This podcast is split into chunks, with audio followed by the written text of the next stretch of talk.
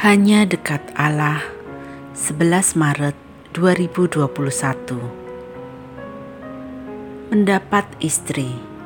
Amsal 18 ayat 23 Siapa mendapat istri mendapat sesuatu yang baik dan ia dikenan Tuhan. Dengan jelas Amsal ini memperlihatkan bahwa hubungan suami dan istri adalah karunia Allah. Meski tampaknya perkawinan adalah pilihan hidup, Allah berkarya di dalamnya.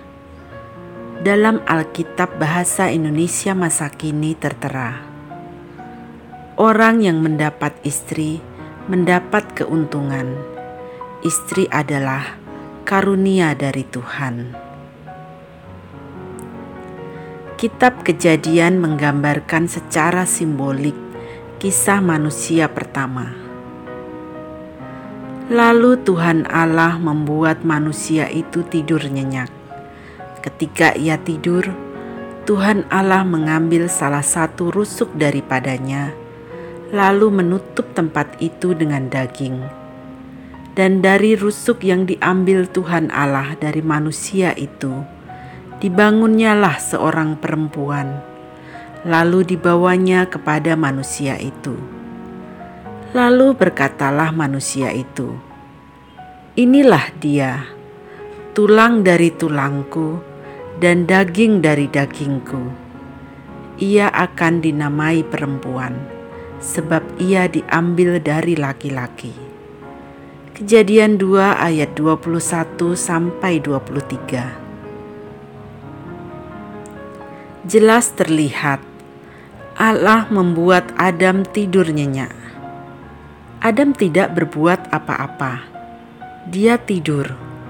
Dalam keadaan itulah Allah menciptakan Hawa. Itu berarti pasangan hidup merupakan karya Allah yang dikaruniakan kepada manusia. Adam pun menyambutnya dengan penuh kegirangan sembari berseru, "Ini dia!"